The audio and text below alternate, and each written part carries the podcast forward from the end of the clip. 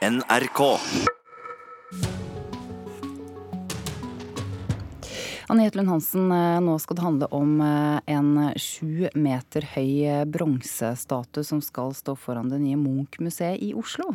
Ja, den skaper rabalder. Ja, Rett og slett. Det er en gammel dame, er det det? Ja. Og direktøren for en av Norges største private kunstsamlinger, William Flatmo ved Kistefossmuseet, er en av dem som er kritisk. Han mener statuen både er feildimensjonert, malplassert og lite original.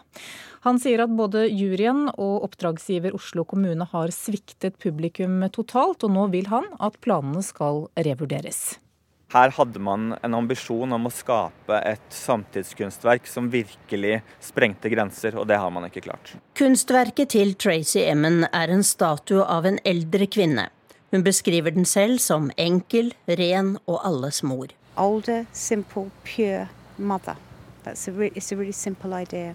Den britiske kunstneren var stolt og glad da hun for få uker siden vant konkurransen med den lille modellen til det som skal bli den sju meter høye bronseskulpturen.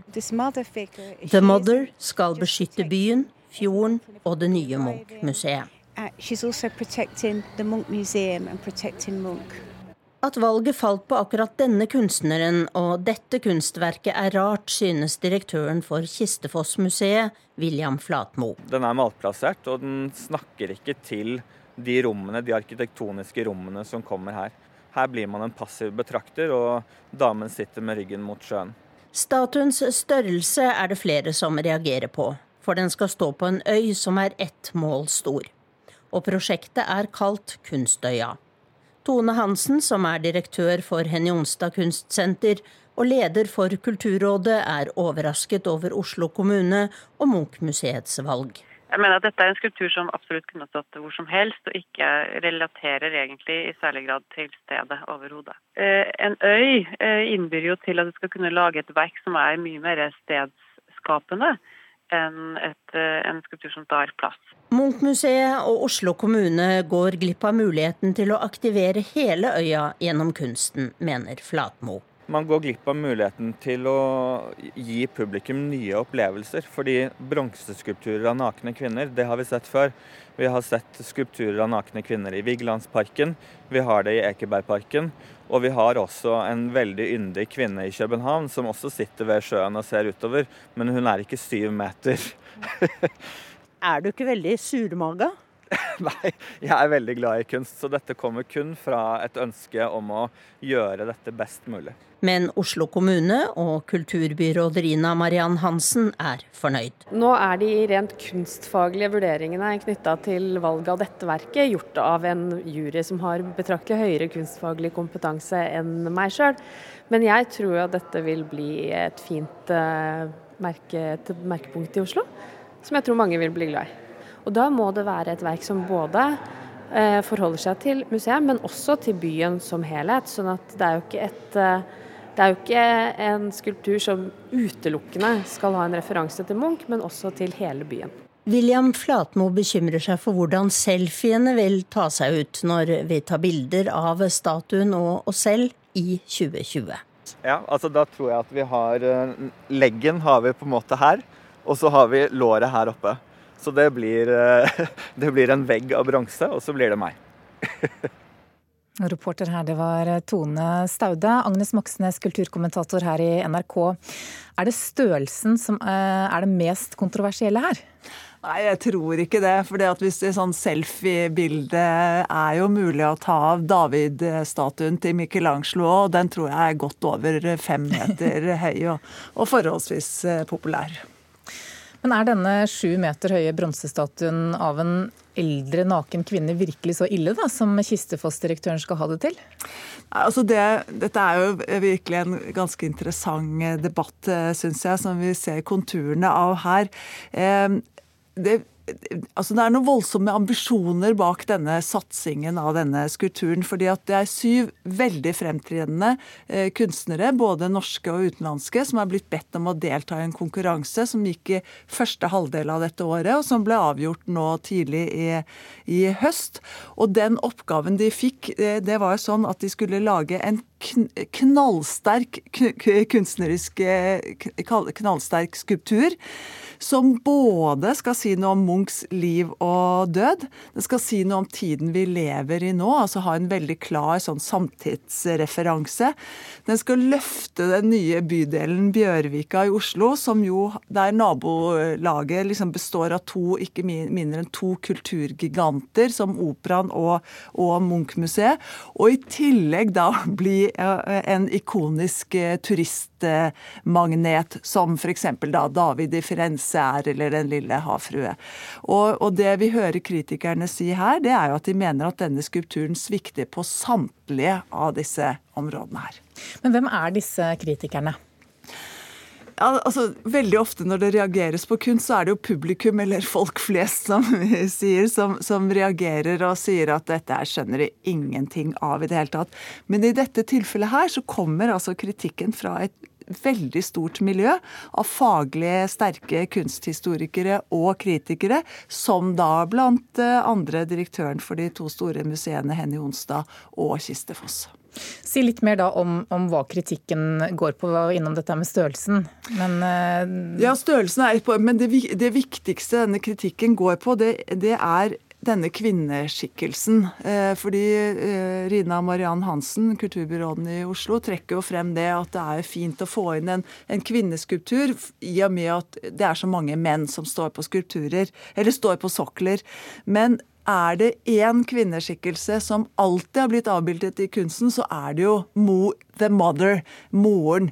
Hun har vært der fra tidenes morgen. Sånn at det, at det skal være et spesielt interessant kvinneportrett eh, her og nå, Eh, det er det vel mange som, som, stiller spørsmål ved. Og så er det jo det andre, fordi at det skal være, det står det i oppdraget til konkurransen, så står det at det skal være en, en slags hilsen til, eller en oppmerksomhet i forhold til Edvard Munch og hans liv og kunst. Og, og så vidt jeg skjønner, så har aldri Edvard Munch vært spesielt opptatt av morskikkelsen. Flatmo ved Kistefossmuseet vil altså at Oslo kommune skal revurdere skulpturplanene. Hvor sannsynlig er det at det kan skje? Det, altså, da må det jo være noen formelle feil ved valget, vil jeg tro, eller jurysammensetningen. Eh, Tracy Emin, eh, som har altså laget denne, dette forslaget til en skulptur, hun er en veldig kjent og anerkjent britisk eh, kunstner, som Munch-museet har et, eh, et veldig sterkt eh, forhold til allerede. Det er faktisk hun som skal åpne museet når det åpner om, om halvannet år, eh, våren 2020, med en egen, egen soloutstilling. Og ettersom det har vært to representanter fra Munch-museet i denne juryen her, så kan man jo mistenke at de har hatt en egen interesse da, at det nettopp skulle være Tracy Emin eh, og hennes bidrag som ble valgt. Du kan eh, se bilder av statuen på nettsidene våre nrk.no. Takk skal du ha, Agnes Moxnes, kulturkommentator. Nå til en pågående konflikt ved Hålogaland teater. Kulturreporter Kaja Andreassen, du må si litt om hva dette handler om? Ja, fordi På fredag så fikk teatersjef for Hålogaland teater i Tromsø, Inger Lise Buresund, sparken av et enstemmig styre for teatret. Hun fratrer dermed med umiddelbar virkning og varsler oppgjør i retten.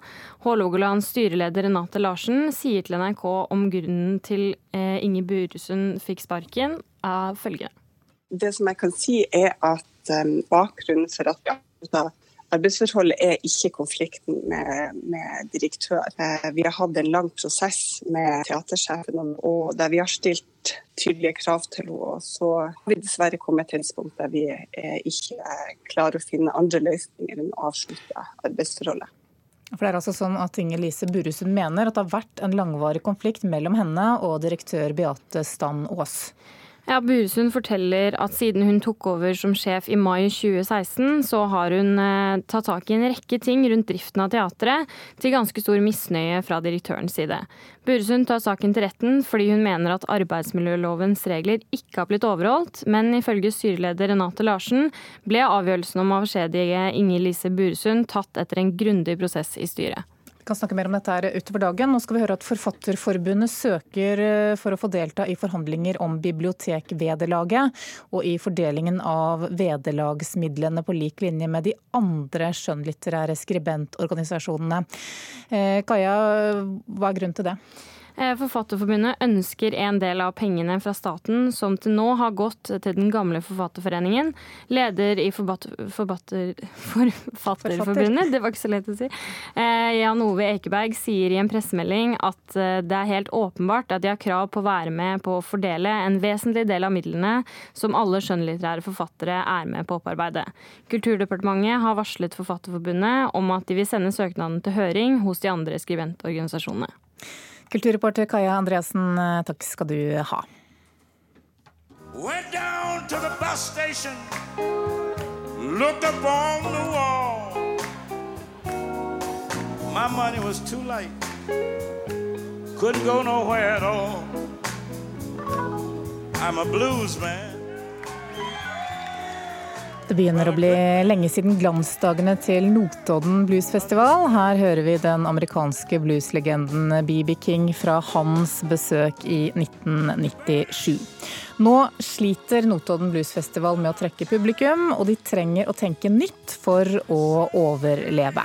Derfor inviterer ledelsen nå publikum til å komme med forslag om hvilke band og artister som skal opptre på neste års festival. Festivalkoordinator Mari Beate Sandnes forteller om den jobben de har foran seg.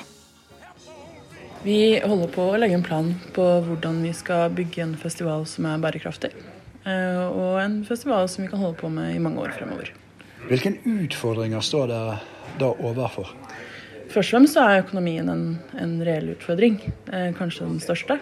Eh, med den støtten vi har fått, så har vi mulighet til å gjennomføre en festival i 2019. Den må vi gjøre med, med en positiv økonomi. Vi er nødt til å snu de negative tallene vi har fra før. Runar Lia, du er styreleder. Hva må til for at Notodden Bluesfestival eh, skal klare å snu den trenden man nå har opplevd? Lite publikum. Vi må ha en bredere appell i programmeringen vår. Vi må sørge for at vi tiltrekker oss et større publikum enn det vi har gjort de to siste årene. Eh, så vet vi at 2017 var et veldig bra år besøksmessig, men eh, vi må for 2019 åpne opp profilen vår i enda større grad. Hva betyr det? Det betyr at vi må gå kanskje litt utafor sjangeren. Vi må være, tørre å være bluesfestival, men også åpne for andre musikkuttrykk. Jostein Forsberg, hvor langt tør du å tørre å strekke strikken for at bluesfestivalen skal kunne overleve framtiden? Jeg tror jeg tør å strekke den strikken veldig langt. Men jeg er ikke sikker på at alle publikummerne våre er klare for å ta imot en så stram strikk. Eh, men jeg ser på dette her som eh, veldig interessant. En, en fin eh, posisjon å være i. At vi må tenke nytt. Vi må på en måte bevare det vi står for, det som er profilen vår, og så må vi åpne opp. Og da skal vi invitere folk inn. Altså, Folk på Notodden spesielt har snakka om at vi må bli mer åpne i bookingprofilen. Vi må lage litt mer folkefest, litt uh, mer allmenn kjente artister. Så skal vi invitere dem inn og uh, høre på uh, hva de har å si, og hvilke artister som de kan tenke seg. og det tror jeg blir en kjempefin prosess. Så du åpner opp for at lokalbefolkningen nå skal få være med og bestemme hvem som skal delta i bluesfestivalen? Ja, komme med innspill. I eh, november så skal vi ha et åpent møte på biblioteket i Bok- og Blueshuset. Eh, hvor vi inviterer folk inn. Og vi skal ha et nytt åpent møte i desember. Og et nytt i eh, januar. Så vi vil gjerne ha innspill. Og det er på en måte en vanskelig øvelse, og kanskje noen føler at ok, nå skal Forsberg ut i spagat.